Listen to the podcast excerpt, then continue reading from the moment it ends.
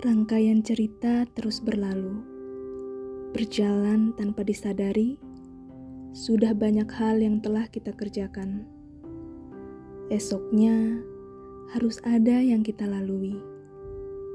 Waktu begitu cepat. Kita terus mengejar hal-hal yang membuat kita tak merasakan adanya waktu.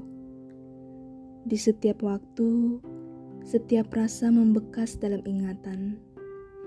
Kita bersyukur kita menyesali, kita menyalahkan, dan kita menerima setiap cerita yang dibuat oleh waktu.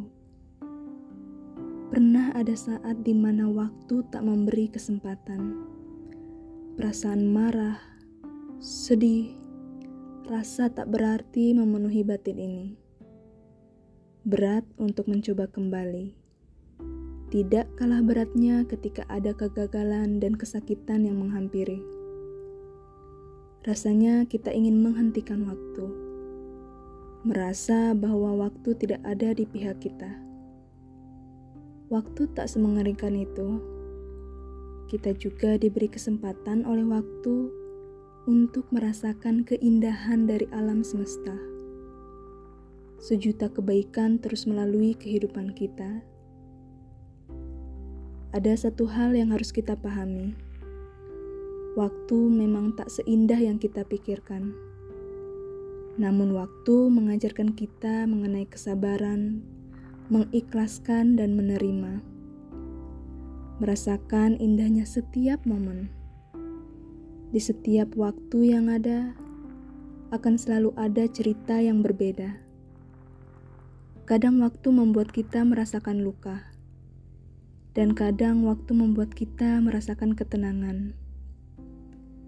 Tetapi tahukah, waktu membantu kita menjawab segala pertanyaan yang ada dan perlahan menyembuhkan luka yang kita rasakan. Waktu menghanyutkan kita di setiap cerita yang terus berputar. Ketika kita tidak ingin melanjutkan waktu, di luar sana banyak yang berharap dan berjuang untuk melanjutkan waktu yang masih ada masih ada yang terus berupaya membuat sebuah kisah. Hal tersebut membuat kita harus menghargai waktu yang masih ada. Waktu itu bernilai. Kita tidak bisa kembali pada waktu yang kita sesali.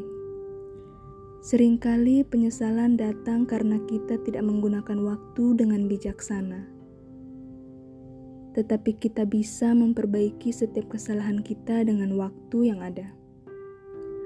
Pergunakanlah waktu dengan baik, maka rasa penyesalan akan semakin sedikit yang kita rasakan.